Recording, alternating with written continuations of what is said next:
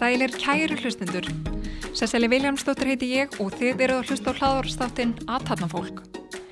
Þátturum kemur út á þriðjutugum og tveggjögna fresti þannig að ég hvet þig að sjálfsögðu til að fylgja okkur á hlaðvarpsveitunum þinni og samfélagsmiðlum. Í þættinum í dag tek ég viðtal við Jón Steffensson von Tetzner eða bara Jón Tetzner. Hann er stopnamdi ópera og vivaldi vefarana. Jón er fættur árið 1967 og alin upp á Seltindanessinu. Hann gekk í mentaskólinni Reykjavík en held síðan til Noregs þar sem hann laug grunn og framhalsnámi í tölvunafræði við háskólinni í Oslo. Eftir útskrift byrjaði hann að vinna sem forrættari hjá norska landsímónum Telenor þar sem hann og meðstofnumnað hans, Geir Eversau, byrjuði að byggja upp vefafran ópera árið 1995. Ópera hafði meirinn 350 miljónu nótenda þegar mest létt og 750 mannstörfu hjá fyrirtekinu í 13 löndum og kefti Jón og félagi hans við stóru risana. Ópera var síðan skráð í norsku kaupillana árið 2004 og starfaði Jón sem fórstöru fyrirtækisins í 15 ár áður en hann sagði starfi sinu lausu árið 2011 vegna ángreinings um sín og stefnu fyrirtækisins. Eftir hrunið byrjaði Jón að fjárfesta á Íslandi og stopnaði nýtt fyrirtæki árið 2013 sem heitir Vivaldi og byr einnig til vefavra en hluti starfsemi fyrirtækisins fer fram á Íslandi. Í dag fáum við heyra meira um sögu Jóns og hvernig hann reys til hæstu metorða í viðskiptalifi Noregs og Evrópu.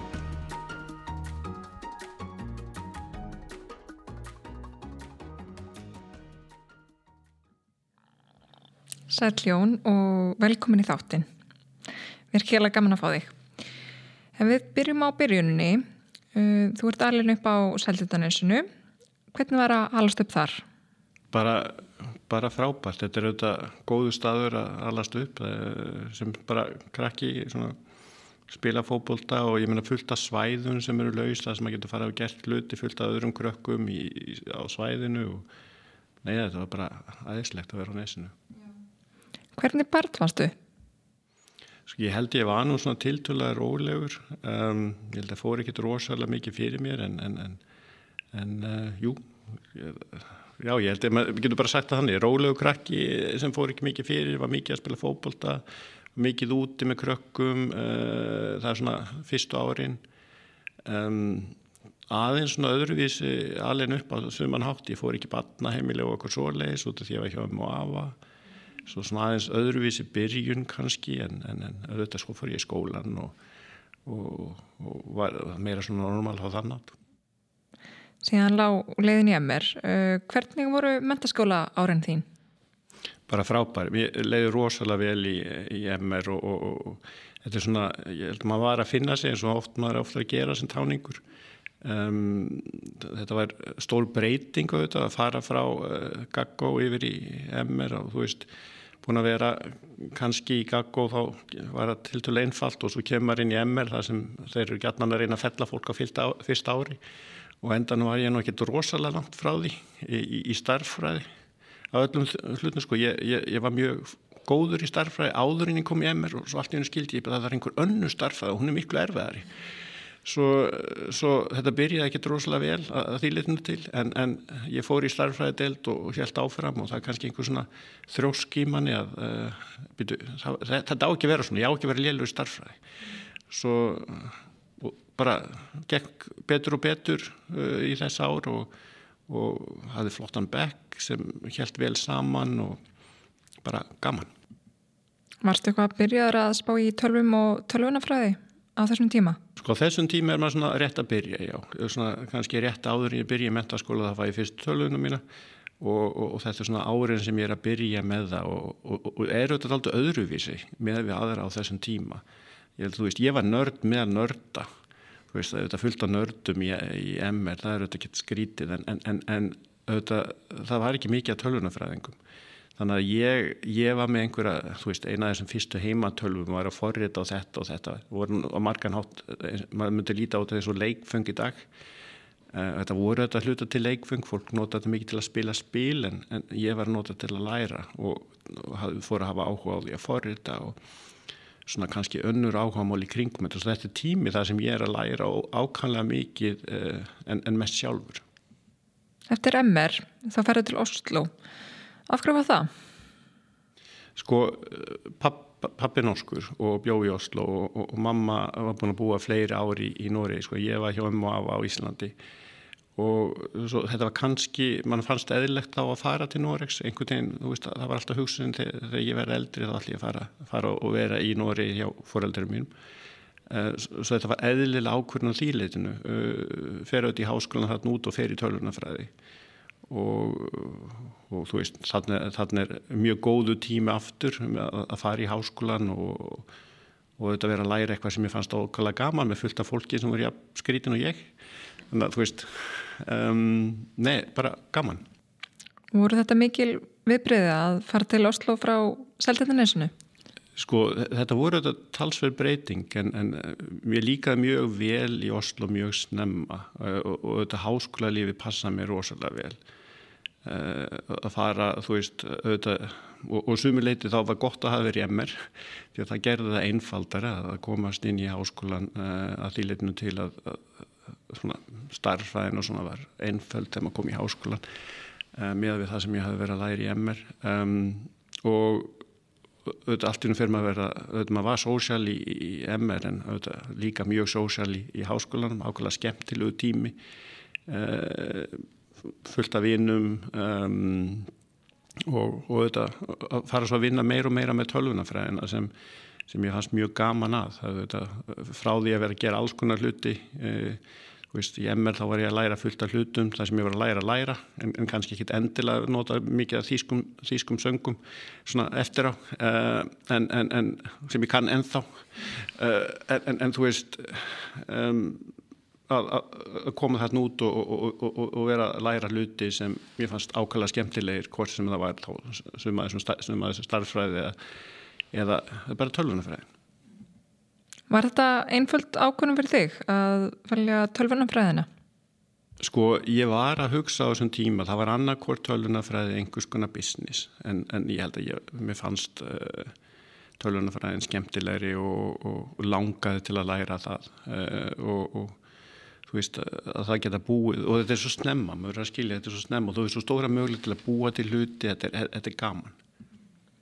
Hvað er að gerast á þessum tíma? Uh, internetið fyrir stað á þessum tíma og allt koma á fullt? Já sko, þá er spurning hvað áttu við með internet Já. þú veist á þessum tíma, þú veist rétt áður en ég fyrir inn í háskólan þá eru þau með klipp, klippikort svona, veist, það sem er að lesa, þú setur einhver hólur í einhver, einhver, pappir og svo verður að lesa hann og eitthvað svona, þú veist það var bara gert árið að tveimur áður en ég kem inn, segast en svo þegar ég er að koma inn, fyrst er einhverja svona, þú veist, jú, einhverja vila með grænum stöfum og eitthvað svona, en mjög fljótt þá voru við að fá uh, flotta svona Sun Workstation svona alvöru tölfur og ákala gaman að vinna við þetta. Og maður fannst að vera rosalega heppin með að við þá tímasetningu sem er á þessum tíma.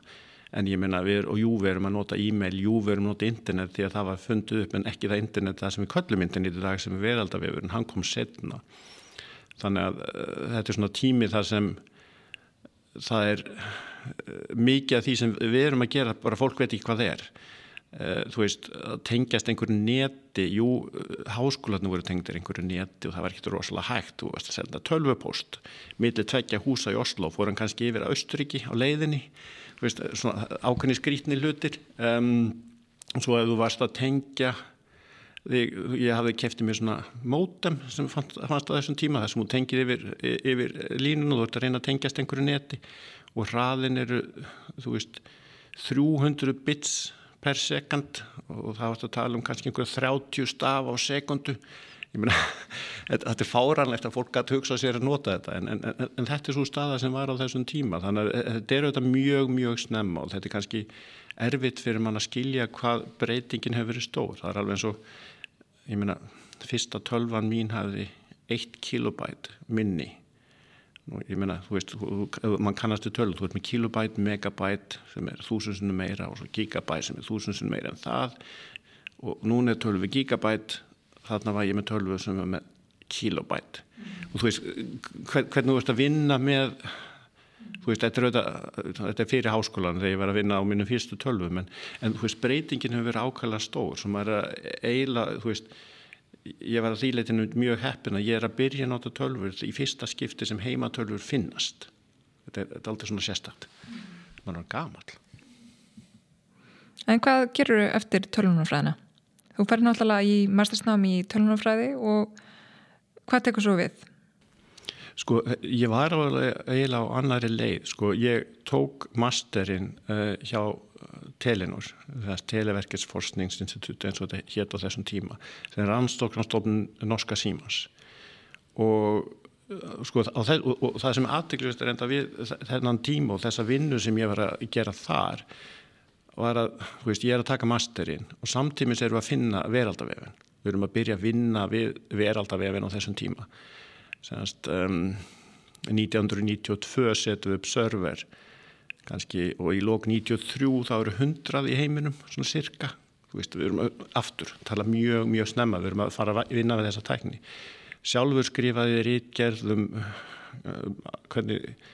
nota tölfur, tengdar uh, símatækni uh, síma, fax, e-mail og eitthvað svona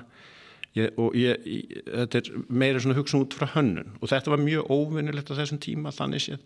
það var ekkert hvað, eitthvað nótanda hvernig þetta virka fyrir nótanda það var ekkert mikilvægt, það var að fá þetta að virka. Vist, uh, það var ekkert fókus á hvernig þetta myndi virka fyrir nótundur þannig að þarna var ég að gera eitthvað sem var ekki mjög margir aðrir að gera. Um, og eiginlega hugsunum mín var að jú, ég var á stofnun Símans ég ætlaði að fara í master, nei, í doktor. Og, og, og hafði þannig séð á þessum tíma þá var ég bara að hugsa herðu ég verð, eh, ég verð kem til maður að vinna með rannsóknir, aðeinslegt ég ætla að vera að hugsa ég ætla að fara að vinna á MIT þú veist að fara á MIT, fara í doktorinn þar og og var búin að vera að byggja um pappir upp á það og, var eitthvað svona spá í, meira í þá áttin að, að vera, vera við rannsóknir sem ég fannst rosalega gaman, fullt af skemmtunum tölvum, fullt af skemmtunum lausnum, vinna við tækni sem engin annar eh, kannski var farin að vinna svo mikið með og, og, og svo framveg, svo, svo skemmtilegt. Á þessum minnustad þá kviknar hugmyndin að ópera við varunum. Hvernig kom það til? Sko það sem þetta, við fórum hérna að vinna með veraldavegin mjög eins og ég sagði mjög snemma 1992 og, og við förum þá að vinna við alls konar lausnir í kringum þetta. Við byggjum intranet, þá fannst nú ekki það törn, bara, veist, það, það var ekki kalla neitt. Svo við förum að vinna við intranet, við förum að vinna við einhvers konar leitavilar, sjálfur bjóðu til forrið til að, að þýða um,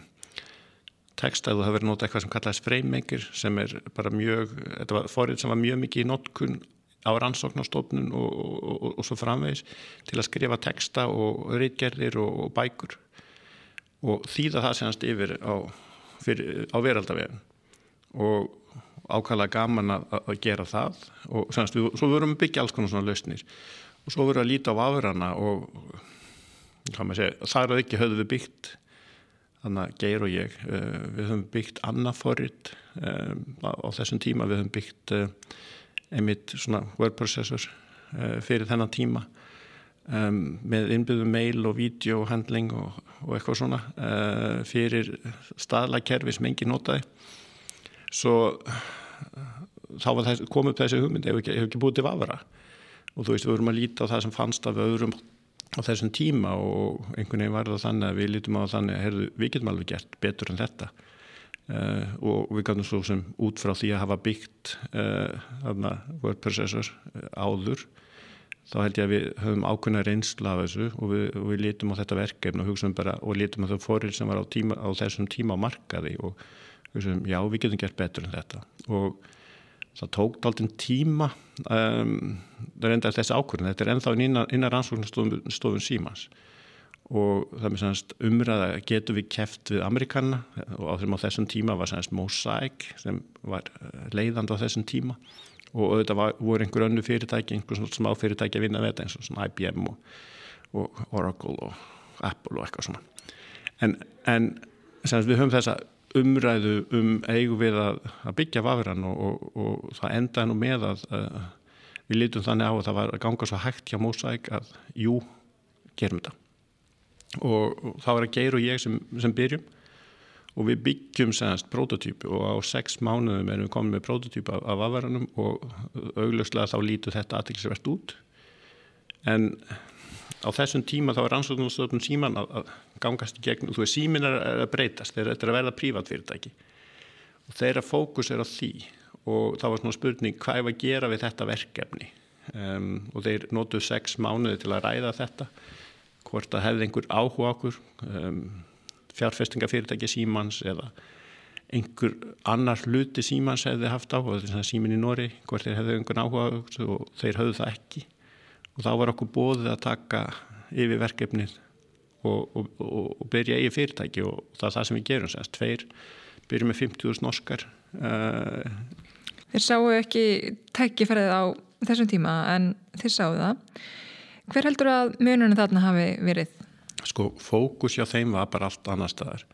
Þú verður að muna að á þessum tíma þá var ekki verðum komin eitt rosalega langt. Eh, það var ekkert endilega þannig að það var eitthvað sem var að taka yfir. Um, þeirra fókus var að þeir voru að gera prívat og þá var svona spurning er einhver sem hefur áhuga á þessu verkefni og, og það hafði engin áhuga á þessu verkefni. Og þeir voru þá rosalega næst, þeir gá okkur sjens og það var svona hluta þess að þetta voru þetta ríkisfyrirtæki og, og, og þeirra hugsun var, ok, ef það er einhverju hugmyndir sem ekki passa inn í þetta ríkisfyrirtæki þá gefur starfsmönum leifi til að prófa sjálfur og það gerður þeir, leifuð okkur að, að gera þetta og við erum mjög gott samband við norska síman og eftir. Eh, og þetta þegar þú spyrir þá þá koma tveir hluti fram, þá segir það einn nátt, já við hefum nátt að halda einhverjum hluti í fyrirtækinu. Eh, og, og svo þetta segja að þeir myndi aldrei gera þetta aftur því að þeir sleft okkur bara út og, og, og gá okkur mjög góðan samning sko, þeir meiri segja borguðu laun okkar í þrjá mánu eða eitthvað svona, veist, þannig að við fengum svona smá byrjun. Um, en, en svo þurftu við þetta að bjerga okkur sjálfur og reglan var þannig að ef við myndum krasa á, á, á fyrsta árunum, fyrstu þremur árum þá myndi allt fara aftur til þeirra öllu réttindi og, og svo framins þannig að þetta var, þetta var aldrei svona sérstaklega samningur en ég er mjög þakkláttu fyrir hvernig þið komið fram við okkur og, og, og ég held að, þú veist, fyrst þeir ekki höfðu áhuga á þessu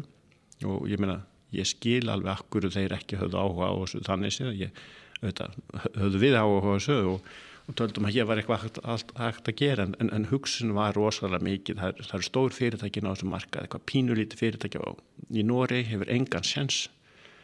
og það eru þetta, þú veist því var haldið fram lengi að við hefðum aldrei neitt sens Úraði ykkur fyrir á þessum tíma að þetta geti orðið svona stórt? Sko ég held okkar hugsun á þessum tíma var, þú veist, þetta var meira næstu spurning höfu trú á veraldafefnum því að það, þú veist, fólk hafði ekki trú á þessum tíma, það var engin að nota þetta, þú veist, þetta var, þetta var mjög snemma í því ferli á, á margan hátt, eh, en, en, en það sem við höfum trú á, við kannum byggt alveg af góðu takna og hinnir og það, það var rétt. Ekkar fyrstu skref í fyrirtækjarækstri, um, hvernig fór það af stað hjá okkur? Sko, við vorum tveir uh, og svona skipta mill okkur verkum og eitthvað svona. Geir var tíu árum eldri en ég þannig að það hefði verið eðlilegt að hann hefði tekið uh, stjórnina. Hann vildi ekki, þá þurfti ég að gera mér fannst það bara ágætlega gaman uh, það geta verið fórstjóri um, en auðvitað við vorum bara tveir. Og, og, en á þessum tíma þá er þetta bara spurningum að byggja fyrirtæki og við förum að, að gera fyrst okkar fyrstu samninga. Við, við gerum veist, fyrst er bara fljóta og svo gerum við samning við, við vinnumálastofnun. Eh, þegar við vorum með einhverja tölfur sem er voru að nýta til að leita að, að, að leita að störfu og þetta kerfi var eitthvað sérbyggt og þeir vildu náta veraldavefn í staðin þannig að við breyttum breyttum fóritunum þannig að það var hægt að keira uh, eh, vafurann sem til að leita að störfum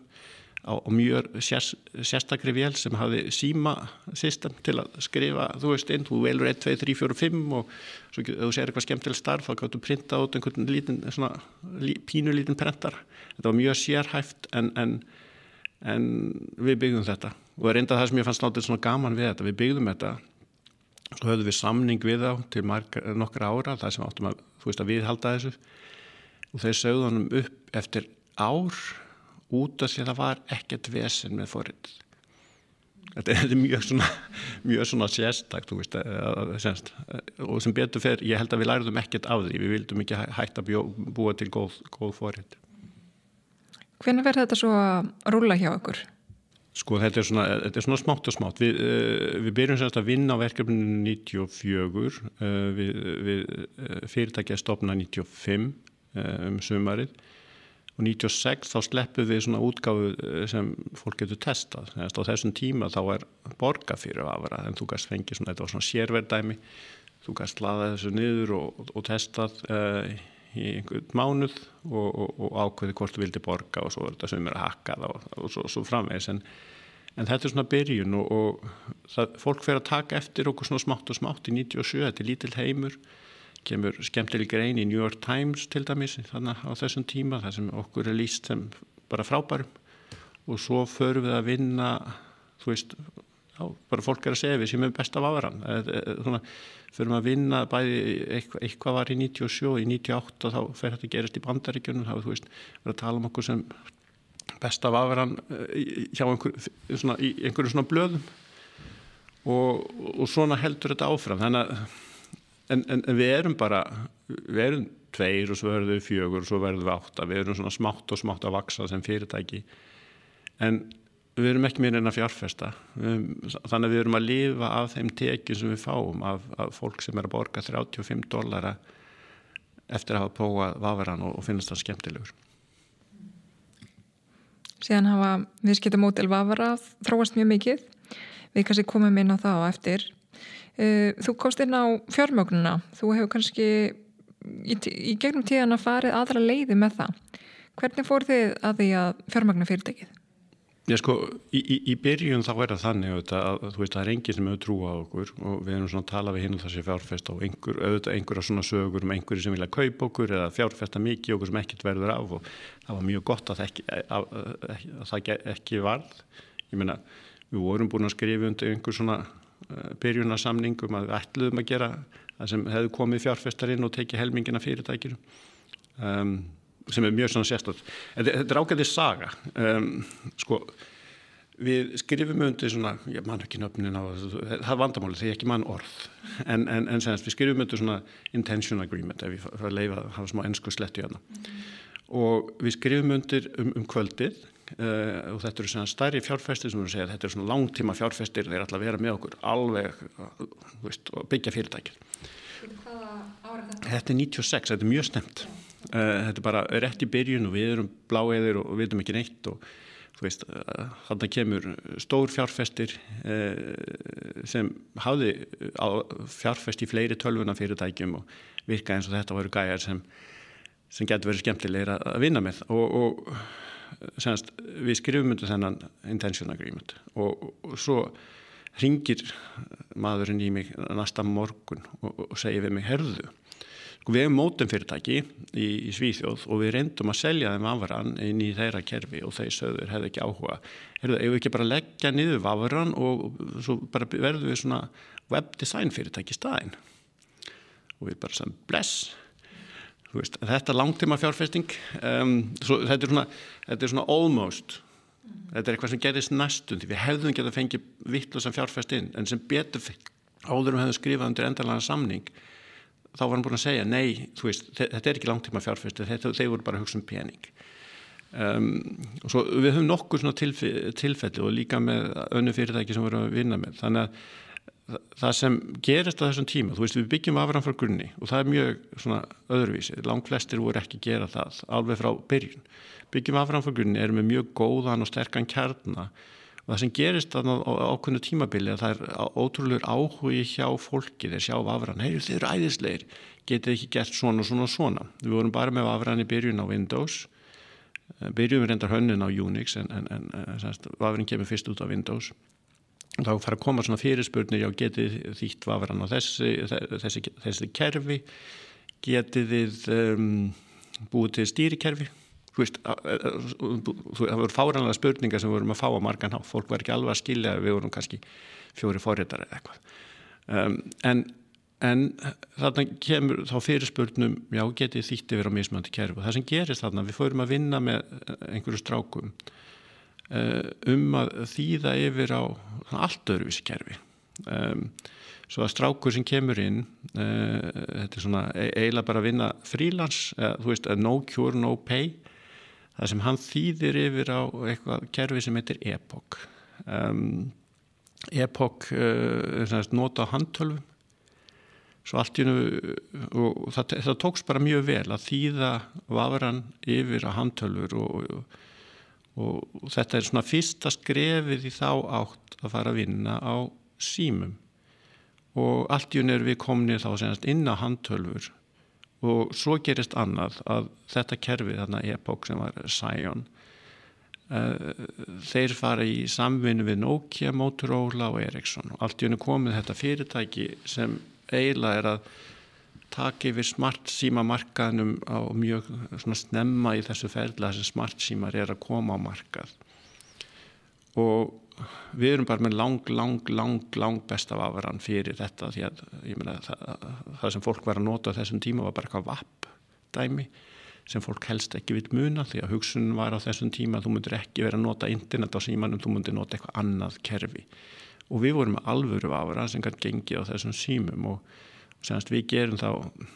við förum allt í hún að gera svona samninga og, og þá allt í hún auðvitað fyrir fjárfestar að hafa áhuga og þetta er fimm árum eftir að við við aðna byrjum, þá fáum við fjárfestingvinn. Eh, Hvað er þau mörg þarna? Við erum alltaf við séum ekki svona 16 til 20 manns á þessum tíma þar sem fjárfestarnir kom inn og við hefum sannast bjargað okkur í þessi fimm ár floti sjálf en auðvitað tökum við þarna þegar við fáum þessa fjárfestingu þá tökum við ákvörðunum að núna erum við að fara að gera eitthvað meira. Og við byrjum ákveðið ferli á þessum tíma þegar við fáum inn fjárfestinguna. Við ráðum fleiri, allt í nöru komni með uh, söl og markasfólk sem við hefum kannski ekki haft uh, mikið af á þessum tíma. Við, við fáum inn fjárfestingarstjó eða þú veist finance, CFO um, og, og, og við förum að ráða líka fleiri til að höndla meira af kerfum, við förum að byggja upp kerfi í fyrirtækinu. Svo þetta er allt önnur, við erum að byggja allt annað fyrirtæki og við förum frá á þessum tíma svona 20 manns upp í 100 til til að fljótt sko, rúmlega ári. Og það er auðvitað, þú veist, þá fyrir við auðvitað í mínus. Þetta er það, það sem fylgir því að fá einn fjárfesta. Og við höfum samt tekið ákverðun á þessum tíma. Við vildum ekki fara að marka þenni svo leiðis fyrir en við værum í pluss aftur. Þannig að við förum í ákveði ferli það sem við erum að byggja fyrirtækið um, við erum að taka ákveðna stöðu uh, á farsimum Uh, höldum áfram að byggja á, á tölvum, erum fán vafran smátt og smátt á Windows og Mac og Linux og, og byggjum það en, en förum að taka ákvæmlega sérstakka stöðu í, í, á, símakerfum og alls konar öðrum kerfum sem, sem á þeim tíma voru ekki mikið í notkun. Við þurftum semst að vera að telja fólki trúum að þú gæti nota neta á einhver öðru en tölvum. Veist, þetta, er, þetta er mjög svona sérstök staða Svo,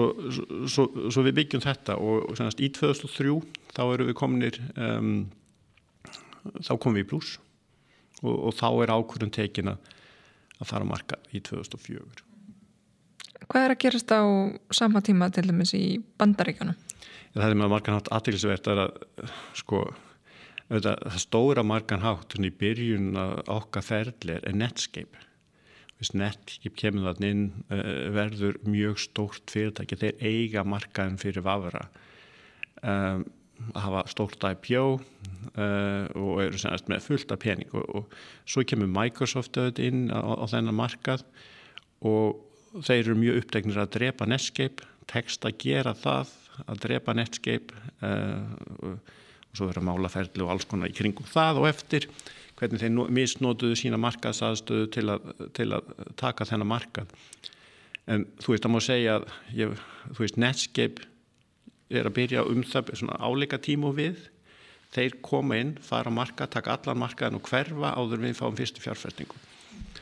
þetta, er svona, svona sérstætt en, en, en það sem gerist þarna allir gefast upp, veist, á, á þenn tíma sem við vorum að byrja, þá voru, þú veist, jú það var Netscape, það var Microsoft, þarna smátt og smátt og smátt.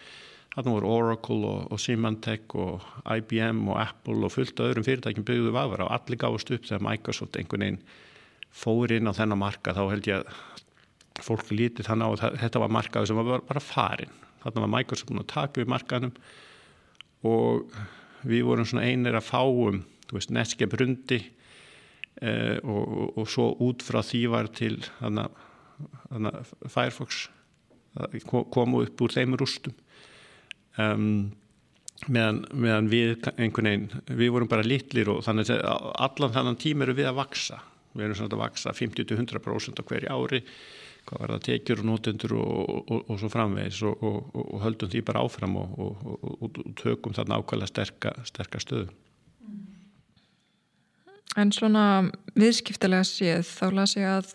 þið hafið vaksið í gegnum farsímana og önnurtæki en ekki bara tölvu og séðan voruð að vaksa í gegnum önnurlönd en bandreikin. Var þetta strategi á ykkur eða svona ykkar sín frá því í byrjun? Sko hvað var það önnu tækið? Alveg frá fyrsta degi þá voru við að hugsa um við ætlum að búa til vafra sem getur kert á veist, hverju sem er. Svo okkar hugsun alveg frá fyrsta degi var þetta á ekki bara að keira á Windows, þetta á að keira á Mac og Linux og öðrum kerfum um, eða Unix eins, eins og það var þannig í byrjun. Uh, og, og, og, og það kom mjög fljótt fram að það var áhugi fyrir því að, að keira þetta, þetta kerfi á alls konar öðru tæm þú verður að muna, þú veist að það fannst ekki rosalega mikið að farsíma á þessum tíma. Þú veist, þegar við erum að byrja, en það kemur svona smátt og smátt, þannig að það passa rosalega vel við það sem við erum að gera, við erum að koma inn á, á, á þessa síma og, og svo bara önnu tæki sko, hvort með þessi ískápar eða flugvelar eða þú veist, við, við vorum í öllu. Og, og auðvitað er við með sérstöðu þar. Og þannig er þetta að við höfum skrifað eigin kóða frá grunni sem aðrið hefði ekki höfðu gert. Okkar kóðu var miklu betri til að höndla minni, eh, höndla aðstæður það sem var þröngt. Og, og, og, og klára þá mjög góðan hátt. Og þessa sérstöðu við nýttu við okkur og ég meina við byggðum upp smátt og smátt fyrirtæki sem ég meina við vorum að kannski skila frá okkur eða vinnað hundra verkefnum á hverjum tíma á sama kóða. Ég meina flækjustíð þarna er eiginlega ótrúlegt en við höfum ótrúlega stert fólk í, í þessu og þannig gáttum við gert það en, en við tókum allt aðra aðstöðu en hinn fyrirtækin og, og, og vorum þannig með að, að, að byggja hlutina Áður en þið fóruð í hlutabrjóðbóð þá tókuð inn pening frá fjárfærstum áður, en ekki? Já sko við fengum inn uh, bara nokkara svona uh, sjóði sem komin, eh, komið þetta inn fyrst í 2000 reynda fengum við lán frá einhverjum sjóðum þarna í 99 svo aðeins fyrr sem var svo breytt í 2000 og svo fengum við aftur 2001 og 2003 fengum við meiri peningin mikið frá bara sama fólkinu áðurum fórum á marka þannig að þetta vorum með mjög lít, stuttan lista hvað var það fjárfesta áðurum fórum á marka Breytist fyrirtæki mikið við að takin pening frá fjárfestum? Nei, eða, jú, já og nei, þú veist, við, við þurftum auðvitað að vaksa talsið mikið en ég held að við höfum haldið svona áttum. Uh, ég held að þessi fjárfesta sem kom inn á þessum tíma, uh, þeir höfðu trú á því sem við vorum að gera. Um, þeir auðvitað líta á, uh, allt í unnu skildu þeir, það er það sem kom þegar þeir fóru að sjá, já, þessi lítlutæki, þetta er eitthvað sem gæti, gæti eitthvað gæst þarna símar og, og að við höfum mjög sérstakar stöðu, þetta þeir líti á það. Við vorum mjög sérstakar stöðu á þessum tíma. Og, og, og þá var þetta, þeir mög, fóru að sjá möguleika þarna, þannig að við vorum mjög vel samkerðir um, og ég meina við höfum tvo möguleika, ég held að auðvitað, margir af fjárfæstunum voru hugsað þannig að við erum svo seldir. Uh, svo var þetta ekki uh, á þessum tíma. Við vorum ekkert að leita því, við vorum að uh, byggja fyrirtæki. Og semst, hinn möguleikin við þurftum auðvitað að skaffa þeim exit og, og, og við gerðum það, það með, með að fara á markað. Mm. og, og semst, við gerðum þetta veist, alveg frá þarna 2003 erum við í pluss og bara stærri og stærri pluss sem fyrirtæki eh, ég meina allan hátt þá voru á góðum stað og við vorum að vaksa sjálfur, við vorum ekki að kaupa fyrirtæki keftum eitt lítið fyrirtæki svíð með sjömönn fyrir einhverja sjö miljónir eða eitthvað svona norskar tildula lítið. Voruð þið allan tíman í Núri? Það hvernig ekki það að fleiti bara til Kaliforníu í Kísildalinn? Ég finnst sko að pansa okkur mjög vel að vera þarna í, í Núri. Ég held að Kísildalinn er eitt góðu staður til að byggja fyrirtæki. Það er uh, mikið samkeppni, það, er fólk, það er dýrt, uh, það er uh, fólk skiptur um vinnu mjög einfallega meðan við byggðum mjög sérstakka stöðu í, í. Eh, þetta var mjög góðu staðu fyrir fólk að fara að vinna. Við höfum fólk sem kom frá öllum heiminum til að vinna fyrir okkur. Þeim langaði til að vera að vinna, ég menna, hvað verið mest notaði forrið eh, sem finnst á tölvu. Þannig að það er ekkit óeðilegt að fólk sé að leita í eitthvað svona starf og þarna höfum við fólk sem langaði til að vinna með okkur komandi frá öllum heiminum. Og ég held að aðstöður í Nóri til að byggja voru bara mjög góðar. Og, en, en, en við byggjum skrifstofur á mörgum stöðum. Við, við endum með að fá þarna fyrirtæki í, í Svíþjóð. Þetta er eitt af þessum þetta voru bara nokkru strákar sem vildu þýða við valdi yfir á annað kerfi og það tókst vel til. Um, en, en þú veist, tæknilega séð en, en það var erfitt að þjena pening, það er ákveðin svona saga þar aftur, sem þetta er ákveði stýrikerfi og við erum að þýða fyrir og þetta fyrirtækja hafi bjóti mjög skemmtilega og flott á tækni en, en Microsoft var að hóta öllum þeim sem vildi vinna með þeim þannig að eh, þeir hurf að marka því miður. Svona, það er marga svona sögur eh, sem, sem við lendum í það sem okkar samkeppnisaðilar eru ekkit að koma sérstaklega vel fram. Í, í þetta tilfelli þá þetta var fyrirtæki sem bjóti stýrikerfi og semst Microsoft hótaði þeim aðilum sem, sem voru, voru að vinna með þeim að það myndi ekki vera gott fyrir það þannig séð. Tengt uh, hlutibrjöf útbánu árið 2004 og þið takkja ákvörðunum að fara í útbáð í norsku kaupillina Af hverju tókuð þessa ákvörun þar sem þið hefði alveg geta farið einhvers staðar annar staðar í útbóð? Já, já og, ég meina það var rætt sko hvort vært maður að fara á, á markaði á Nasdaq eða Nójumart eða veist, alls konar svona hugmyndur og það sem auðvitað var alltaf svona sérstakt að skilningurinn á því sem við vorum að gera var stærri því lengra sem við komum frá Nóri sko það var ekkit rosalega vanalegt á þessum tíma að hafa einhver tækni fyrirtæki í Nóri og augljóslega, og þetta var mjög sjálfn sérst að því við vorum að tala við fjárfesta og semst, fórum við til Breitlands aðeins meiri skilningur á hvað við vorum að gera komum til bandarækina þá þetta augljóslega skilduði hvað við vorum að gera og, og, og skilda við varum með skemmtilega stöð en, en æ, þú veist, við, við, við lítum á þetta var líka alltaf spurninga ef við að flagga út eða eitthvað svolítið, við vildum það ekki við ætlum bara að vera lokalt fyrirtæki, við ætlum að vera nost fyrirtæki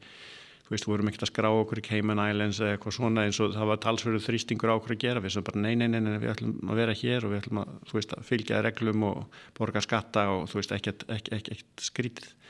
Svo þetta var ákvörðun hjá okkur og, og, og, og kannski hluta þessu var þá að fara markað í Nóri og okkur hugsunum, auðvitað getum við fara markað í Nóri við, en það var alltaf verið að ræða hvort vættum að, þú veist, að hafa dualisting eða eitthvað svolítið, en það var ekkert af. Hvernig gekk svo útbúið? Ég meina æ,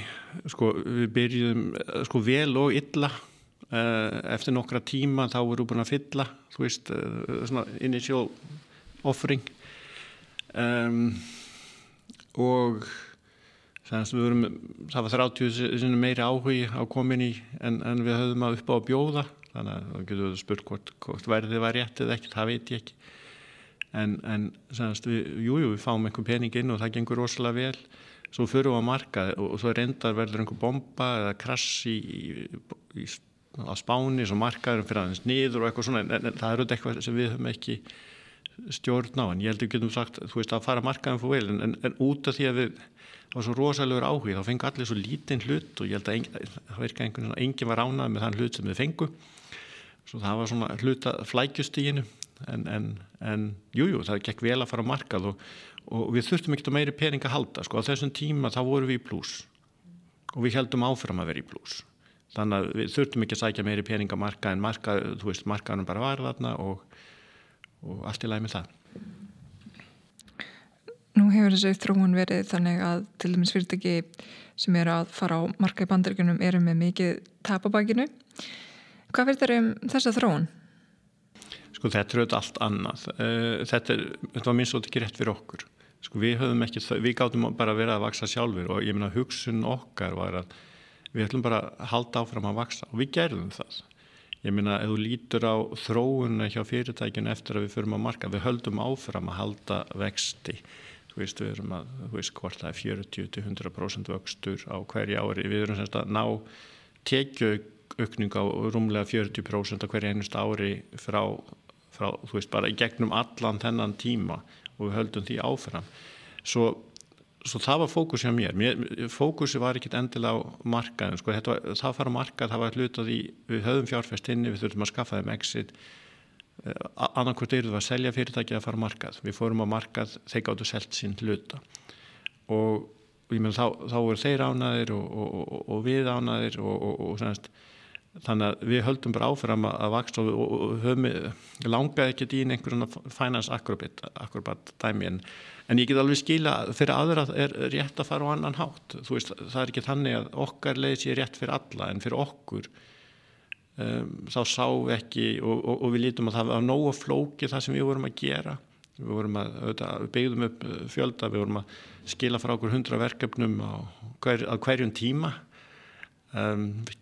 byggðum upp teimi til að vera uh, frá 100 þarna í 2000 til að vera 750 manns í 12 löndum og 15 skrifstofum og, og, og svo framveg. Þannig að við erum að byggja fyrirtækið uh, og, og það er svona fókus hjá okkur og það er að ganga bara mjög vel. Hvernig leiðir á þessum tíma sem stjórnandis sem er að fara í gegnum með allt? Bara gaman, þú veist uh, það er ákveðsna flækjustuð sem getum ta talað um kannski meira setna en, en uh, eftir. En, en sko fókusin hjá mér er bara það er gaman að byggja fyrirtæki, það er gaman að gera samninga það er gaman að telja nótendur það er gaman að hafa ánaða nótendur sem líka það sem við erum að gera. Uh, þannig að þú veist þetta er voða skemmtilegu tíma að halda áfram að byggja að byggja fyrirtæki. Mm. og, og, og senast auðvitað þá þarf maður að höndla fjárfesta og svona og, og, og, og það er svo sem allt í lagi líka. En við höfum ákveði vandamál hvað var það fjárfesta. Og það er kannski, þarna gerðist aldrei við, við höf, sko einna af þessum fjárfestum sem við höfðum, svona sjóður um, það verður tveir stóri sjóðar sem verður inn hjá okkur. Uh, einn er að selu þegar við förum að marka eins og venjan er. Í hinnum þá það þannig að fjárfestunum voru ekki sammala því að selja, svo allt í enu en þeir gera upp sjóðin og allt í hennu eru komin með nýja fjárfesta sem eru stórir sem vildi eitthvað annað en við. Þeir vildu selja fyrirtækið. Þeir töldu að það væri betra að selja fyrirtækið. Og það skapar ótrúlega skrítna stöðu. Þau eru með fjárfesta sem eru ósamala stjórninni um áttir og ekki selja. Þú veist, auðvitað hefðu ekki að selja sinn hlut en, en þeir ákveða semst að sita og eru í anstöðu við fyrirtæki eru eiginlega bara býð eftir einhverjum tíma þar sem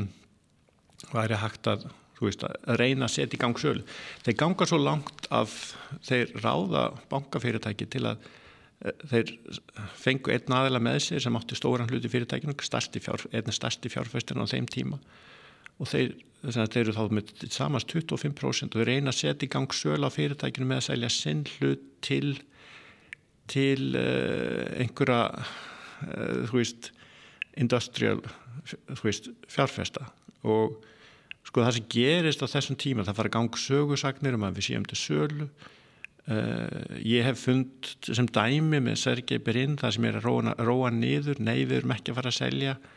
Þú veist að kunnarnir okkar eða þeir sem er að vinna með okkur þetta er áhugjefni fyrir þá og ég meina stuttu setna fyrir Google að búið til Chrome. Þú veist, þú veit, ég veit ekki ég veit ekki hvort það sé neinn tenging þarna á milli en, en, en þú veist, þeir eru að eiðilegja fyrir okkur, þetta er, þú veist eh, þú, þú veist, ég meina við höfum ákveðna umræðum um þetta, hvernig er það að vera lítið fyrirtæki og við erum þá á þessum tíma við erum miklu stærri en við höfum verið að selja þetta inn í stór fyrirtæki alltaf spurninginni. Hvað gerist ef þið fara á hausin og eitthvað svoleiðis þegar kemur einhver umræðum að við varum hugsanlega til sölu þá er þetta eitthvað sem fyrir þessi fyrirtæki þau fara að hafa áhyggjur af hvernig það væri ef við erum seldir hvað myndu þeir gera veist, eh, það, þeir að byggja okkar vafrein. Þetta, þetta er eiðirlegjandi fyrir okkar markað að við erum með fjárfesta sem er í svona ruggli og, og ég meina þetta, en, þetta er rifrildi sem gengur í langan tíma og, og ég meina á endanum þá þá hætti ég, ég meina út af þessu. Við komum kannski ekki aftur að þessu en á þessu tíma þá ertu náttúrulega komið hundrað starfsmenn í mörgum löndun og, og sem stjórnandi hvaða skref varst að taka í þessu ferli og hvernig myndur svona lýsa þínum stjórnandastíl? Sko ég held að ég er semst að ráða fólk sem kann ákveðna hluti betur en ég. Og þetta ég er þannig séð nörd og ég er að læra að stjórna fyrirtæki, getur maður svo sem sagt og ég er að ráða með mér fólk sem er bara ótrúlega stert og ég held að hluta því sem ég er að gera það, það er að hlusta á þetta fólk og ekki, ekki bara vera, þú veist, að mismandi hvernig stjórnendur, fólk vil hafa stjórnendur sumi vilja hafa svona sterkar stjórnendur sem ákveða allt. Ég er meira svona, við erum teimi, við erum að vinna saman, við hugsum saman, við hlaupum saman, um, þetta er miklu flatara bæði í, í, í stjórnendahópnum og í fyrirtækinu yfir höfuð. Svo það finnst mér virka rosalega vel og, og, og, og sjálfur er ég fyrir þannig stjórn sem ekki gengur út að hafa einhvern stóran stjórnanda en heldur hafa stert heimi og, það fáum við í, í óperu ótrúlega stert heimi en það tekst okkur að gera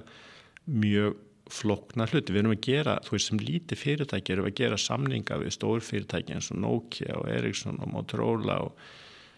og Nintendo og Sony og Samsung og, og, og svo framvegs. Við erum semst öll þessi fyrirtæki velja að vinna með okkur og þó þessi að við kannski áhyggjur af hvað gerist með okkur og, þú veist, við erum lítið fyrirtæki, hvað gerist að þau verið seldir og svo framvegs sem er semst eitthvað sem kemur upp í hverju einustu hver, hvað var það hvern einusta samning. Og þeir taka samningum sem þú veist, við, við segjum við erum lítið fyrirtæki eh, við þurfum að vinna, vinna á þennan og þennan hátt og það tekst sko, eh, tekur oft langan tíma að gera samninga en, en, en, en við erum að vinna með öllum þessum fyrirtækjum og samtímis erum við bara að fá fleiri og fleiri nótendur á bæði síma og tölfur og, og svo framvegs Á þessu tíma þá ert að keppa við stórurísina, Google og Microsoft og Þú ert náttúrulega komin hérna í rauð uh, fremsta viðskipti fólks Európu með öllum þessum helstu nöfnum. Hvernig tilfinning er þetta að vera komin á þannan stall, eins og má segja? Ég menn það bara gaman að byggja fyrir, fyrirtæki og gaman, auðvitað gaman að vera bóði hinga og þangað, hvort sem það er í smátt og smátt var maður að fara að bjóða mann í Davos og, og eitthvað svona en, en ég menna að það sem var skemmtilegt var að byggja Eh, byggja forrið sem, sem fólk notaði, sem líka vel við sem, ég meina, við byggðum mjög sérstakt fyrirtæki hvað þetta var þar, auðvitað fólk elskaði að vinna í, í óperu og, svo höfðum við alla sjálfbáðarlegin í kringum fyrirtæki sem var að hjálpa okkur og þau höfðu trú á því sem vorum að gera sem taldaði mikilvægt það sem vorum að gera. Voru að hjálpa okkur við dreifingu, testingu um, þú veist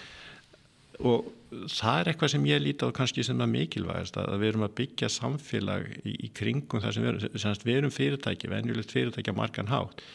En, en það fylgta fólki sem eh, notar mikinn tíma í að stiðja okkur og, og, og það finnst mér ótrúlegt að, að, að það sé í gangi. Og við höfum semst líka fólk sem var að sjálfbáðlega sem svo við, við réðum svo hefur fólk sem hætti fyrirtækinu af mjög ástæðum sem eru sjálfbáðaðir aftur og, og, og þú hugsaðir hvað eru margir sem myndu hætti fyrirtæki og verða sjálfbáðalir fyrir fyrirtæki og eftir, þá hljótu að vera að gera eitthvað rétt og það er svona hluti sem ég fannst uh, sérst, sérstaklega ég meina hluti af því sem ég er að gera á þessum tíma er að auðvitað ég, að, ég er að heimsækja skrifstofunar ég auðvitað er að tala við fjárfesti en það sem ég líka gera á þessum förðum er að hitta nótendur og það er nú eitt, eitt, eitt af því skemmtilega sem ég var að gera, auðvitað líka halda uh, þú veist fyrirlestra og alls konar svona. En að sapnast á einhverjum pub þú veist hvort sem það er í Suðurafríku eða Rúslandi eða Úgrænu eða, eða hvar það sem er sem við erum. Um, og hitta nótendur uh, heyra þeirra spurningar og, og, og það er ótrúlega skemmtilegt og gefand að vera á, á þessum stað og, og, og þetta gerður við mikið. Þú ert vantilega að vinna mikið á þessum tíma og ferðast. Hvernig ekki að saman að þetta vinnulíf og þetta persónlenga líf? Sko, auðvitað gengur það en, en þetta er auðvitað ekki, þú veist, ég er á þessum tíma líka smátt og smátt, ég fæ krakka og auðvitað þegar maður lítur tilbaka þá er auðvitað þannig að ég er eh, talsveit mikið á ferðinni. Uh, ég, og maður gerur alltaf hugsað maður hefur viljað vera betur til staðar fyrir börnin en auðvitað, þetta er nú það mikilvægast sem maður hefur í lífinu það eru krakkarnir þannig og, en, en ég reyndir nú alltaf að, að sinna mínu starfi sem fadir líka eins, eins vel og ég gatt en en auðvitað þegar þú ert að ferðast eins mikið og ég var að gera á öllum þessum skrifstofum og svo framvegist þá, þá finnst mér kannski að veist, þetta er ekki svo stað það sem er að vinna frá 84 og fer svo heim til fjölskyldunar það var auðvitað ekki alveg staðan sem var hjá mér því miður Þegar þú ert ekki að vinna, hvað ertu þá að gera? Sko jújú, ég auðvitað tals, eitt af því sem er auðvitað frábært við þessa stöðu, ég nörd og finnst gaman að ferðast um heiminn og veist, bæðið mér finnst gaman að ferðast og það er svona, þannig að starfið mitt á margan hátt er eins og að vera í hobby. Þú veist, ég er að tala um tækni ég er að ferðast um heiminn, ég er að hitta fólk allt þetta er mjög skemmtilegt. Þegar ég heima, auðvitað vera með fjölskyldunni uh, og við ferðumst líka saman sem fjölskylda. Uh, svo það er gott spila fókbólta, spila körubólta Það var eitthvað sem sagði mér að þú var líka smá safnari. Er eitthvað til í því? Sko það sem gerist, að ég veit það ekki þú veist á marganátt hef ég ekki lítið á mig sem safnar en eitthvað gerist, allt í náið aldrei að tölvum. Og þú veist einhvern veginn þá fór ég að hugsa herðu ég, mér langar til að eiga alla tölfur sem mér hefur langað í. Og þá fór ég að kaupa svona gamlar heima tölfur og eitthvað svona. Og svo gefti ég það sem ég eiginlega ekki langaði heldur bara út, út af því að þetta passaði inn í safn og allt í náið einhverju hundrað þú veist, heima, svona einfaldar heimatölfur svo það á ég. Uh, en ég, ég veit ekki hvað ég mikill sapnar í að öðru leit en, en jú, ég á eitthvað tölvursapn sem er líklega starra en, en, en mörg svona sapn sem þú finnur.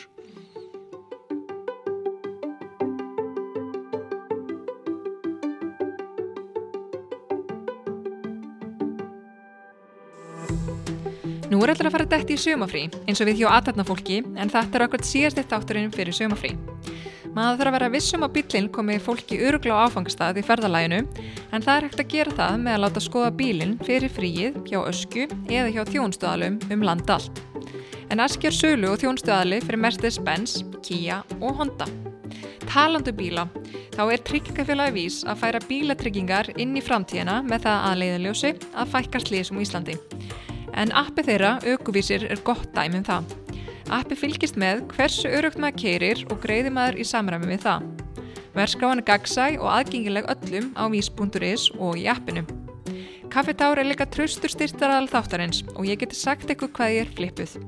Ég heldi mér upp á kaffið kvöldróða í morgun. Það er eitthvað skvítið við að drekka kvöldróða í morgunsárið. En fellega gott. Svona lifir maður alltaf brúni. Og aftur að viðtælunu. Ef við vikjum svona aftur að sögunniðinni þá ertu búin að skrá ópera á markað og þar komin nýjir fjárfistar og, og þeir eru, eru ósamála um stefnum fyrirtækisins. Getur sagt okkur meira frá því? Já, semst, þetta er mjög sérstök staða en auðvitað þetta, þú veist, akkur ég er alltaf lítið á að þú getur verið með mismandi fjárfest inn í fyrirtæki og auðvitað það besta sem þú getur haft er einhver fjárfesta sem skilja, skilja hvað þú ert að gera og það er þetta frábært sem geta hjálpað þér og gefið þér ráð og, og svo framvegis. Svo getur það fjárfesta sem ekki skilja hvað þetta gera en þeir eru bara þannig séð út, út af peningnunum og þeir kom og fara þannig séð eftir hvort þeir hafa trúað þeir ekki og svo getur það haft á einn sem telja þessi vita betur uh, og, og, og vilja hafa kannski hort aðeins svo mikið á Gordon Gekko og eitthvað svona vilja veist, vera stjórna og ná út verðmætum í fyrirtækinu og eitthvað svona og það er það sem við höfðum. Við höfðum sem, sem taldi að að þeir vissu betur hvernig þetta eka fyrirtæki og eiginlega bara býð eftir að við myndum falla. Þú veist, alveg tala þeir, þeir töldu að við þyrtum að falla svo það var eftir að selja okkur. Því að meðan við vorum að flugi þá var ekki það hægt. Um, eða, veist en þeir vildu reyna veist, að selja okkur eins og ég sagði til Google eða Microsoft eða eitthvað svona og og við vorum ekkert að leita því en auðvitað ég sagði alltaf ef það kæmi tilbúð þá auðvitað er það fjárfestunum sem ákveða það og en það kom ekki tilbúð það var bara, veist, það var ekkert að borða en, en þetta, þetta skapaði ótrúlega svona erfiða stöðu um, í fyrirtækinu út af því að við þurftum alltaf að vera að hugsa um, þú veist uh, við erum að keppa og þetta er auðvitað erfið keppni við stór fyrirtæki með mikið meiri peninga við sem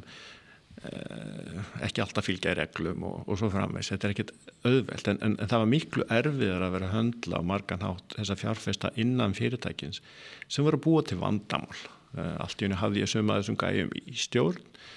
og ég menna það endaði með til, sem bara sem dæmi, við höfum Boston Consulting Group sem kom inn til að aðtöku hvað við varum að gera. Og sko, ég held að hugsun var að þeir átt að finna út að fyrirtækið þurfti að fá einhvern fullorðin stjórnanda. Eh, þeir, þeir vildi losna við aðla út af því að ég var alltaf að segja ég, þeir vildi að ég segja það við varum til sölu og ég vildi ekki, ég sagði það er bara fáralt, við missum kunnan við getum ekki fara og gengið, gengið út og sagt að við sem til sölu, við byggjum fyrirtæki en við erum ekkert að uh, segja við sem til sölu. En, en, en, en sannast, við höfum sannast Boston Consulting Group sem gekk gegn og kæri við aðtöða, þú veist eru á réttir átt, eru að gera rétt? Og þeir byrjuðu með að segja, já það sem við erum að gera er vittlust, það er ekki að hægt að bæði vera að búa til nótendaforrið og selja það til fyrirtækja sem svo selja það og símum og svona, þú getur ekki gert bæði. Tvö, þrjú mismandi business model eins og við vorum með Uh, spurning hvort það var ekki, þú veist, núna fyrirtæki var svo stórt, var ekki betra að fá einhvern professional leiðtuga og semst þeir endur með um, nei, það er ekki allt rétt. Veist, það er eiginlega það sem kom út úr, út, út úr því dæmi og, og, en, en þú veist, að við þurftum að vera í svona málum, þú veist það var svona óþægluð þrýstingur á fyrirtækinu stanslaust sem maður mestu var ekki bara að hugsa um en, en, en þetta var auðvitað, þetta er eiðilegjandi fyrir því að þetta hafði líka áhrif inn í fyr, fyrirtækið. Veist, þetta, þetta spurðist út að það, er, það eru menn sem eru að búa til vandamál fyrir fyrirtækið. Og veist, það er eiðilegjandi en, en eins og ég sagði, ég menna við heldum áfram að vaksa og vorum að fá fleiri og fleiri nótendur og, og, og, og meir og meiri tekjur og veist, all, e, allar hátt þá held ég að við vorum að gera, gera rétta hluti sem fyrirtæki. Og okkur tókst að höndla breytingar á markanum þar sem við breytum business modelum eftir hvernig markarum breytist og sem var bara frábært. Hvernig þróaðist ykkar viðskiptamódel? Sko þetta byrjaði þetta með, við byrjum á því að við getum testað ára hans og borgað og svo fyrir við að gera samninga við símafyrirtækin og, og önnu fyrirtæki þar sem við fáum borgað per eintak sem fer inn á síma og önnu tæki. Um, svo uh, gerast breytingar þarna uh, á þessum markað og við fyrir að breyta til það sem við erum meira fókusir okkar á vörumerki. Og þá gefum við afran ókeipis en svo gerum við samninga við símafyrirtækin, ekki þeir sem búa til símana en, en meira, þú veist uh, eins og síman og Vodafone og, og svona, við fyrir að gera samninga þá í staðin uh, út af því að við erum alltaf fullt af kunnum er að hlaða niður varan svo annarkort færa þeirra og beðja þá síma hinn fyrir eins og Nokia og Ericsson og svona leggja okkur inn. Ef þessi fyrirtæki ekki vildu gera það þá báðu þeir um það, þú veist og bara, þú veist, svo er það bara þannig að nótunum var að hlaða eitthvað niður og þá gerum við samninga við fyrirtækinu, ok, við, við, við bendum á þeirra þjónustur og, og fórum þá allt í að fá hýsingagjald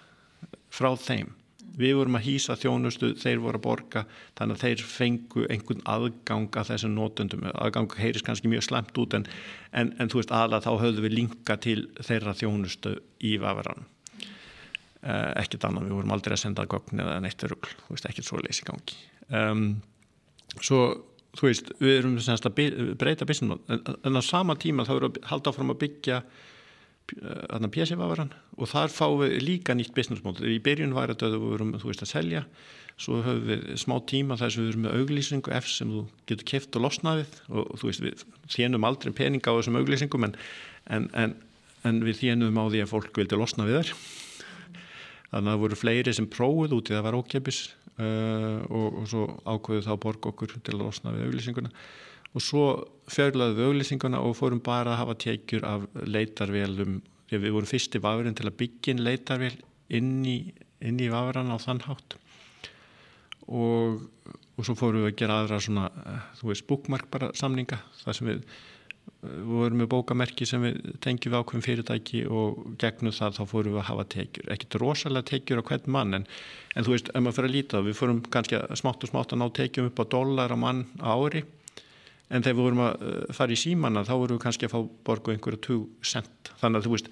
þannig séð tekjur á mann voru ekki slæmar. Og þetta voru okkur að, var okkur að tekjast án þess að við vorum, við vorum ekki, veist, við vorum ekki að Um, og það má svona segja ein, eina þjónustunum sem við byggðum sem var svona hluta þessu þar sem við tókum yfir farsímamarkanum þá byggum við til vafra þar sem stór hluta vinnu vafrans var á server hjá okkur. Þannig að við höfðum ótrúlega mikið af gognum sem fór í gegnum okkar tölfur því hver skipti sem einhver fór á síðu þá sagt voru við að sækja síðuna á server og sendum yfir mínu útgaf á, á síman þannig að við höfum ót, við höfum tilgang ótrúlega gögnum en við vorum aldrei að nota, við vorum aldrei að selja það. Eina sem við notuðum þau gögn til var að búa til statistik sem sagði eitthvað um hvað fólk væri að nota svona í þessum löndum til dæmis er fólk rosalega mikið að nota svona síður og, eitthvað, og hluta því var líka bara til að fá fram að fólk væri að nota internet á símanum þegar þú eru mun á þessum tíma þá er fullt af fólki sem gekk upp gekk, var að ganga um og, og, og sagði nei, þú veist, við getum ekki nota internet á síman, við verðum að hafa þetta vappdæmi og ég man sérstaklega eftir í fyrsta skiptu sem við lögðum fram svona upplýsingar. Þá satt ég á þá var ég á svona ráðstefnu og þá voru svona einn og eftir öðrum af þessum gæjum var að segja já sko,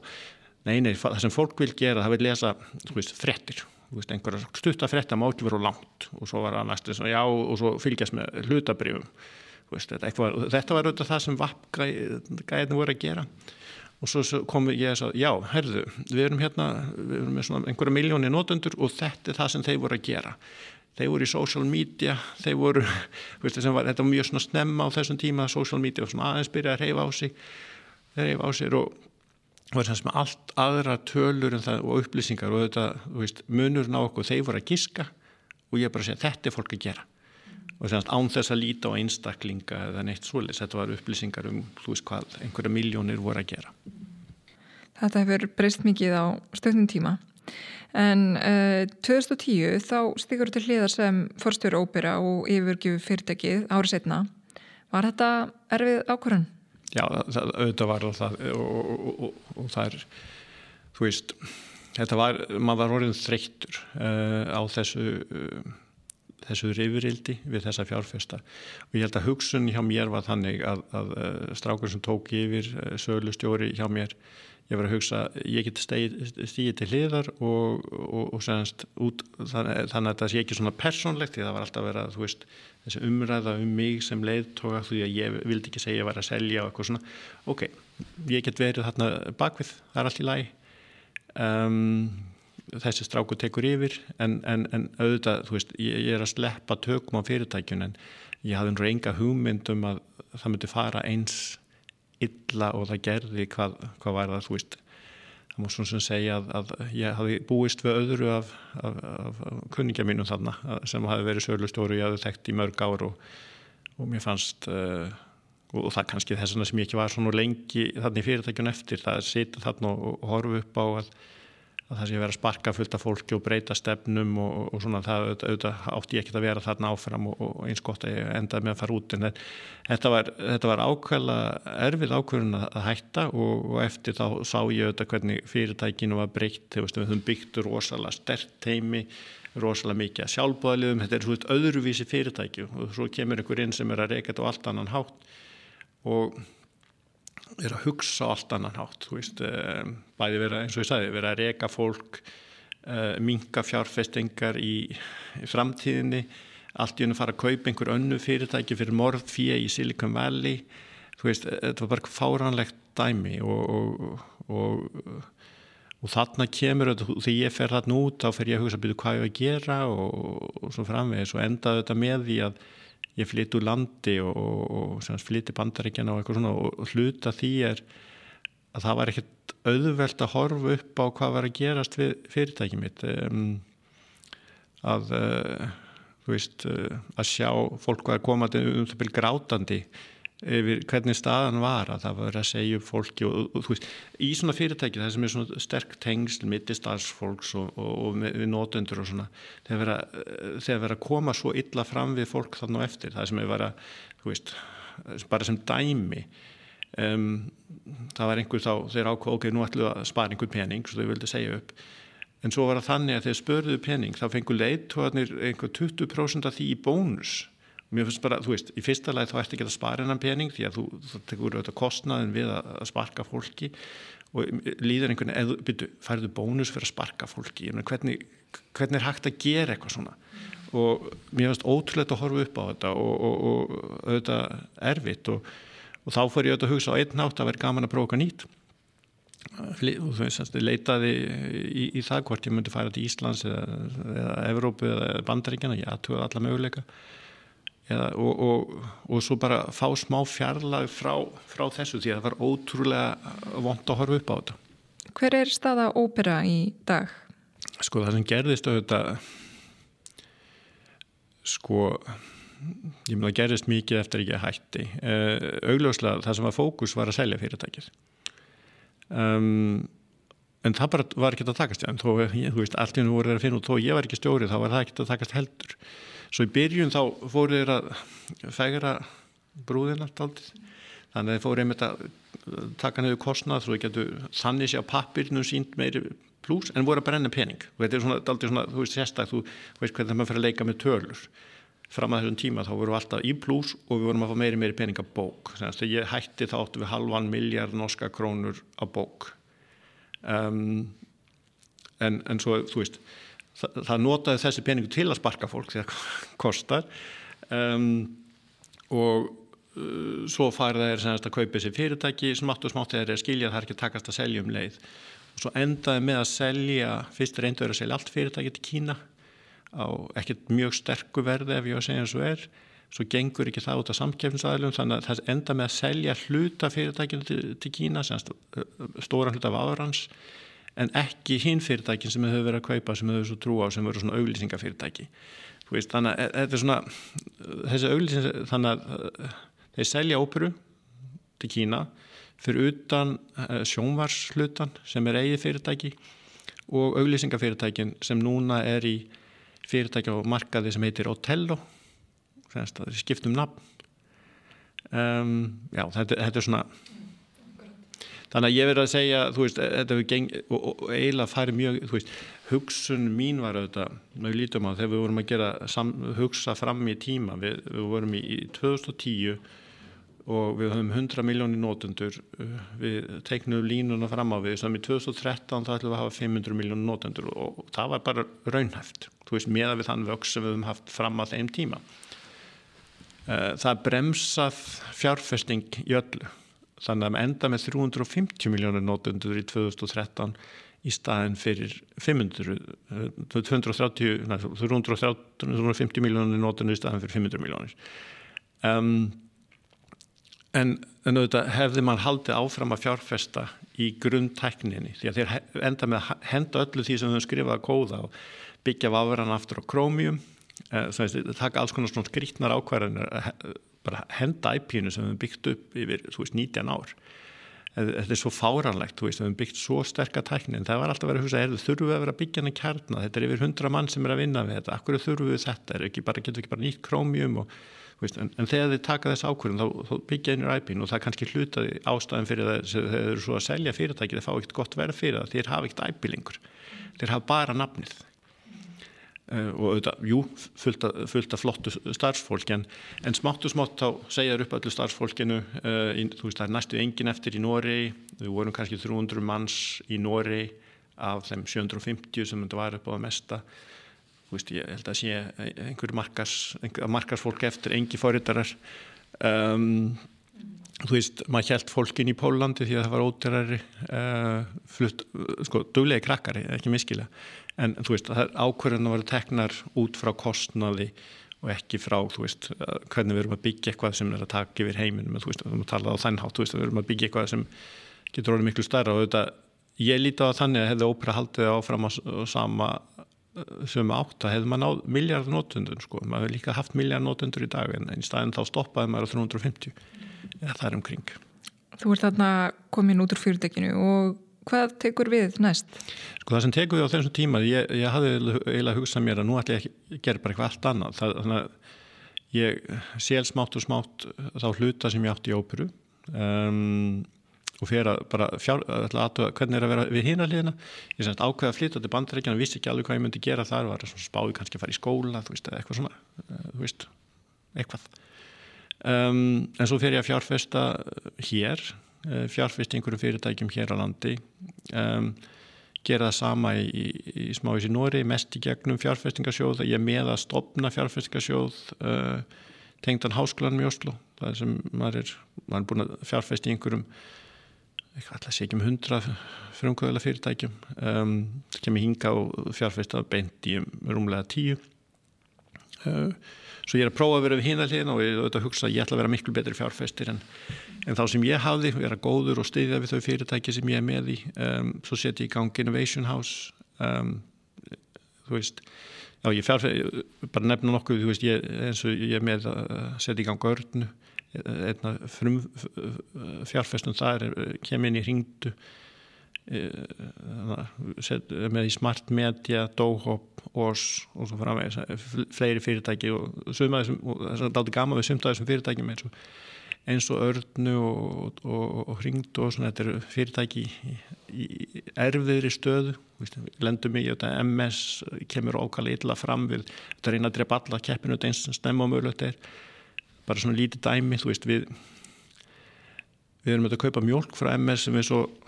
fjallaðum laktósan í. Uh, og, og þá er það þannig að þeir þá vita þeir um okkar plön hvað við erum að fara að gera og þeir svara með að koma með laktósa fyrir að veru tveimum mánuðum árum við fyrir að markað. Það er alls konar svona í, í, í gangi og, og,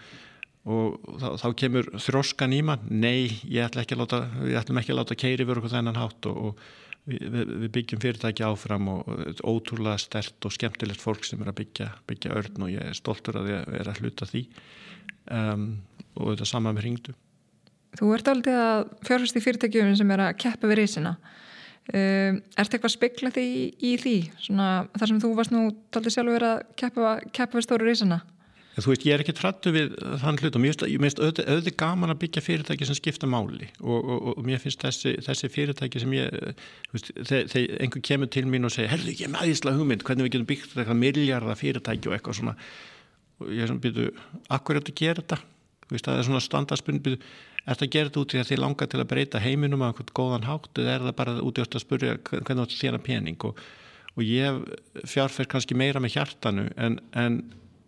ég held að maður þurfi að fjárfesta með hjartan það, það þýðir ekkert að vera fjárfest í hlutunum sem, sem maður ekki hefur ekki bara trú á en, en, en óski, þú veist, akkur að fjárfest í einhverju sem skiptir einhver máli? Svo mín hugsun hefur verið að steyðja skemmtileg frumkvæðala fyrirtæki og gætnan einhver fyrirtæki sem er í erfiðri aðstöðu hvað var það samkeppni, ég hef ekkert að móti því. Þá er maður að breyta einhverju og ég menna hluta til að hefur auðvitað að vera með Innovation House líka það, þetta er að reyna að gefa eitthvað tilbaka styðja fyrirtæki til að hjálpa þeim í, í, í gang. Ég menna og það var hluta að ég hugsa að ég get ekki fjárfest í öllum en ég get minnst ást að reynda að bjóða upp á einhver aðstöðu og senast uh,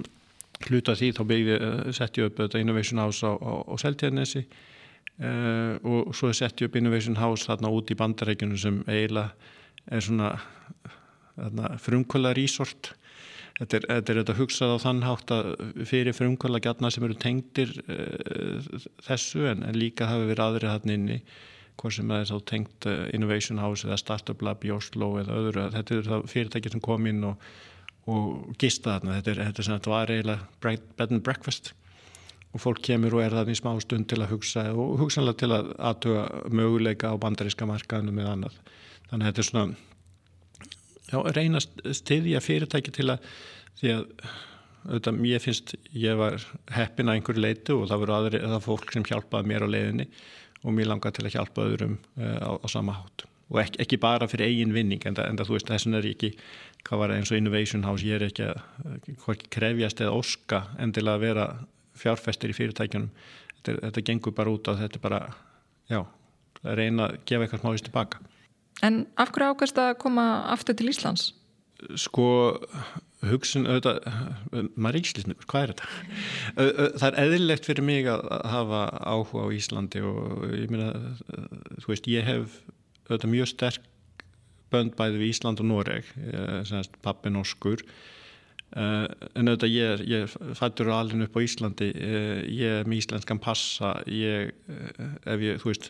ef Ísland spilar á móti Nóri þá held ég með Íslandi en, en, en, en þú veist, annars held ég með Nóri þegar þeir eru að spila móti öðrum, þú skilur hvað vil. Þetta er, svona, þetta er mjög sterk bönd til þessara landa og, og þess vegna hef ég viljað styðja við frumkvöla á Íslandi. Ég hef gert það sama í Nóri á en annan hátt. En, en uh, já, það er þetta sem þetta gengur út á og, og, og auðvitað er gaman að, geta komið tilbaka og, og gert eitthvað, auðvitað sem ég er að koma tilbaka til Íslands þá,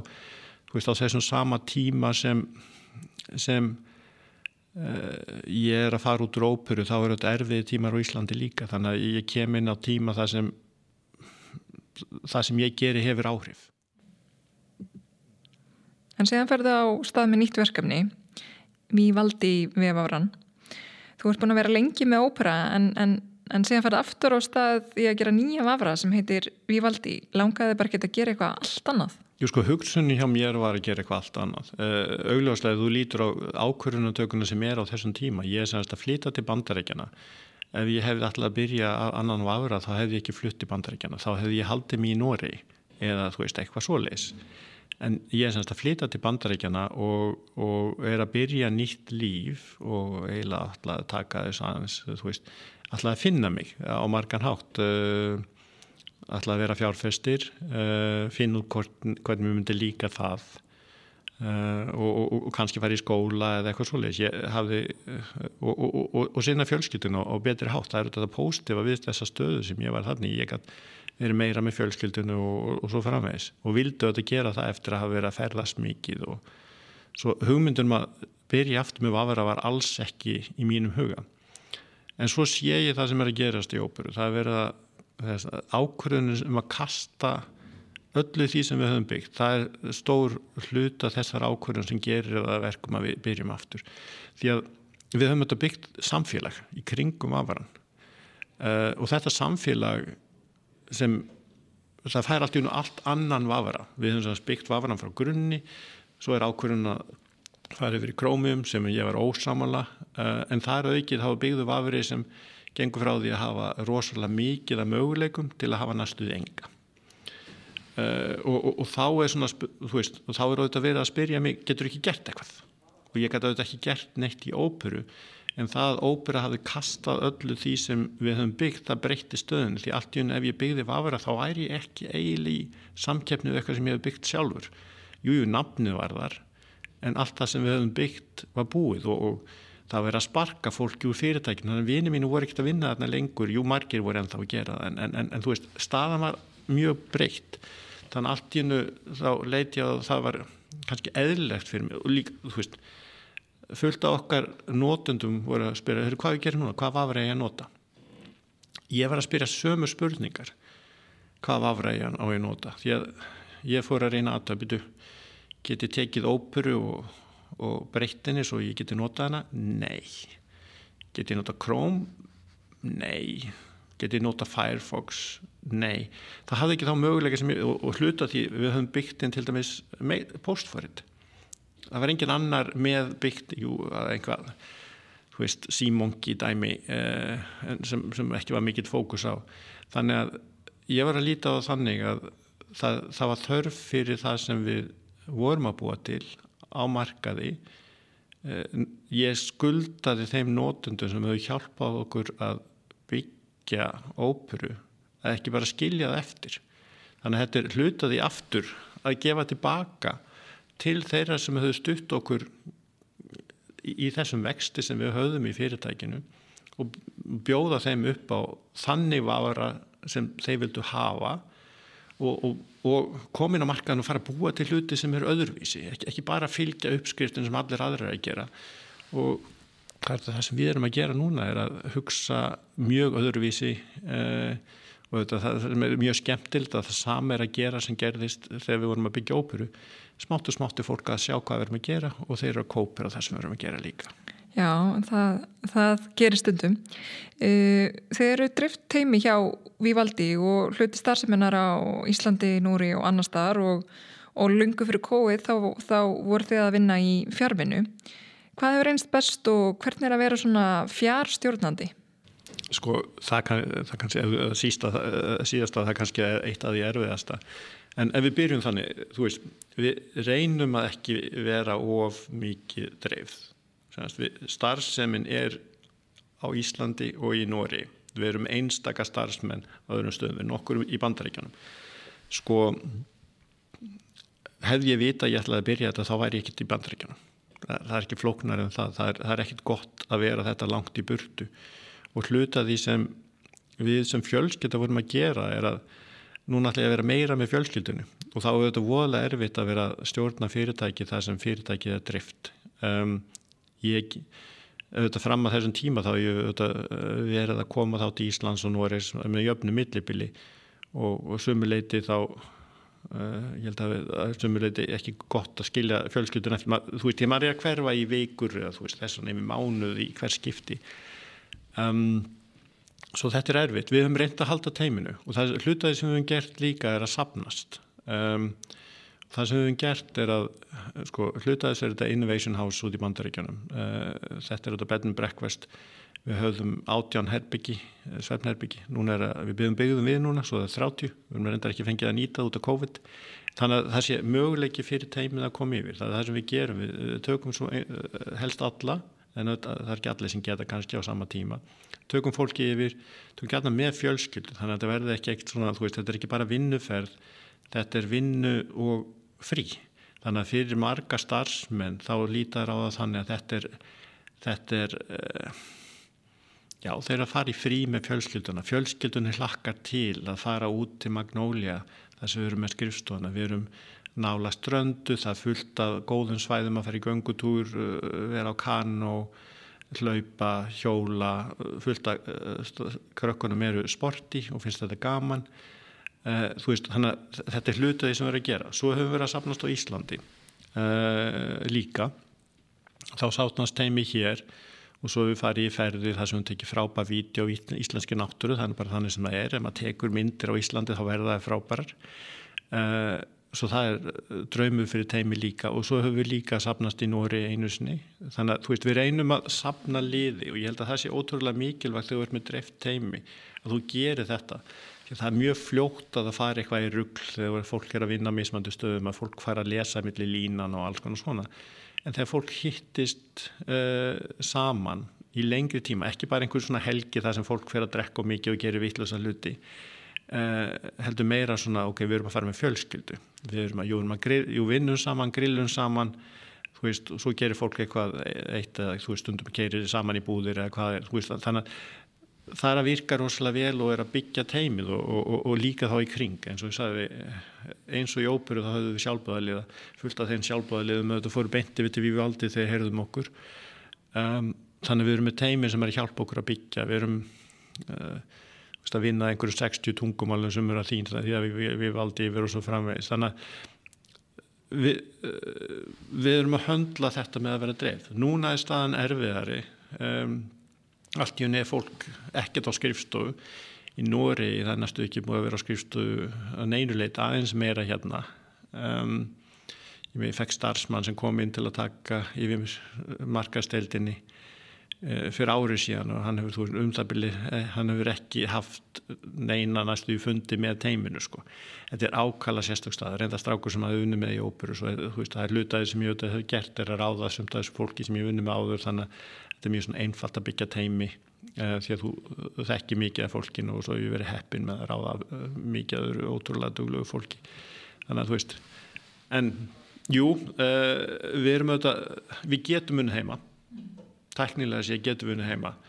Eh, við reynum að gera ákveðna hlutu til að gera þetta einfaldari að, þú veist að vinna saman. Við, við höfum þetta fullt af online fundum, við höfum notað Whereby sem er videoforrið frá Nóri sem er margir fyrirverandi óperu starfsmenn eða tengt Telenor líka þannig að þetta er, þetta er mjög tengt og eðlert fyrir okkur að nota. Uh, þannig að ef eitthvað ekki virka þá vitum við hverju við höfum að ringi veist. Líka bara skemmtilega að styðja, styðja lokal fyrirtæki. Um, en, en þú veist þetta er að virka hjá okkur og, og augljóslega fólk eh, finnst bara þú veist fólk finnst þetta gaman, það er auðvitað erfitt eins og í Nóri eins og hefur verið það sem allt í enu starfsfólk er með krakkana heima og, og, og, og þú veist þetta er erfið við erum bara að segja, við gerum það best úr þessum, mundu það mikilvægt að, að þessi tími með krökkunum er mikilvægur, reyna að njóta þess ekki bara að hugsa um að þau sé að missa úr einhverju vinnu, auðvitað hjá, reyna að gera eins mikið þau getið en, en, en þú veist maður verður að finna einhver balans á þessu þannig að fólk ekki brenna út og, og, og líka svo ekki hafi einhverja vonda tilfinningar gagvart í að, að þurfa að vera með börnin og, og ég veit að það kemur fljótt upp sem fólk er að hafa áhugjur að því að sé ekki, ekki að standa sig út af því að þarf að vera að passa krakkan en þetta er bara hluta lífinu og maður verður að taka til þess Það hefur verið mjög gaman að fylgjast með ykkur uh, hjá Ívaldi og ég veit að þetta er komið á fullt hjá okkur og varan er frábær. En að lókum, ef þú horfið tilbaka, uh, hver ertu stoltastur af? Sko, eila listin verður langur og ég held að, þú veist, það byggja forrið og ég menna sem svo margir er ekki bara nota en hafa sértaka tilfinningu fyrir. Þú ert að byggja eitthvað sem fólk er svo hrifið af svo að, að það vil hjálpa þér það vil eða sínum tíma til að hjálpa þér að dreifa, segja vinum frá og svo framvegis. Það er ákveðlega sérstakt. Og þetta er eitthvað sem gerðum í óperu og þetta er eitthvað sem við erum að gera í Vivaldi. Fólk um, þú veist, þegar maður er að lesa posta frá fólki það sem er að lýsa því herði ég fann Vivaldi og það er æðislegt þú veist, út í því ég get gert svona og svona og svona, þetta er bara eins og ég sé nýjum heimi það er mjög gott að lesa þetta og, og þetta hugsunin sem við erum að gera í þróun forritins eh, er að hugsa, við erum mismunandi og við erum að tilpassa við erum að eh, breyta þá verður hægt að breyta forritun að það passi fyrir þig. Og þú veist, vennjan í forritun finnst mér í dag að það verður að búa til forrit sem eru eh, einhvern veginn það er verið aðtöku hvernig fólk er að nota það og svo er gætna fjarlagt allt það sem ekki allir er að nota og þú enda með forrið sem er búið til fyrir einhvern ákveðin hóp. Við erum að reyna að búa til forrið sem þú getur gert að þínu. Þú getur gert breytingar. Atrið eins og hafa taps á vinstri hlið eða hægri hlið eða eða þú veist að,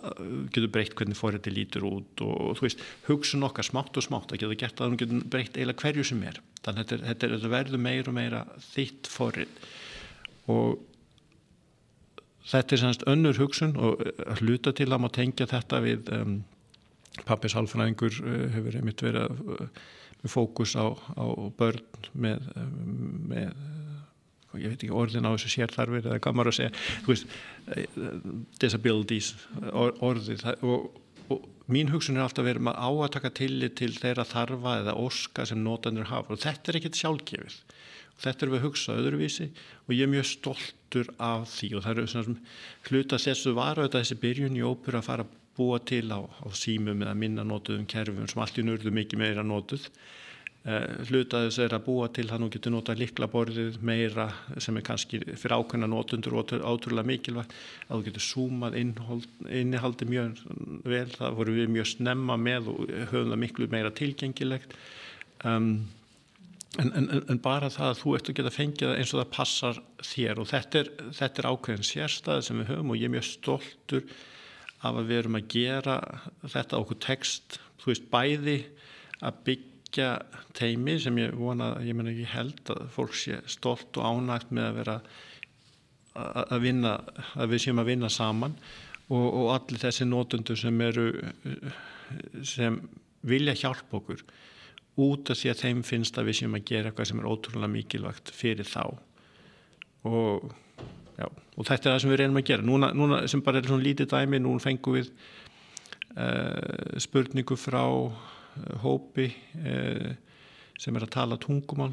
eh, sem ekki mikið notu, notkun á netinu en þetta eru fleiri miljónir þetta er fyrir Algeríu þetta fólk. Og við höfum semst verið að þýða við valdi fyrir það og þeir höfum semst reyndað þeir voru búin að vera að vinna eitthvað með Firefox og vildu vinna með Chrome. Google síndiði með engan áhuga að þeir koma til okkar og svo eru við að vinna saman. Þetta er svona hluta þessu aftur akkur ætti ekki forritið okkar að vera tilgengilegt á litlum tungumálum líka hvort sem það séu þetta. Við þekkjum þetta sem Íslandingar þegar þessi stóru fyrirtæki neyta þjónust okkur. Segja það ekki, nenn ekki að búa til það er ekki það að kosti það mikið. En, en og, og, og þannig er auðvitað hugsun í okkur líka. Við hefum að gera það sama fyrir aðra. Uh, auðvitað með, í samminu þá við þessa nótundur sem það er enda þeir sem gera þýðinguna en við vinum sama, við, þeir gera þýðinguna við setjum þetta inn í forröndið og okkur finnst að vera okkar starf að, að, að,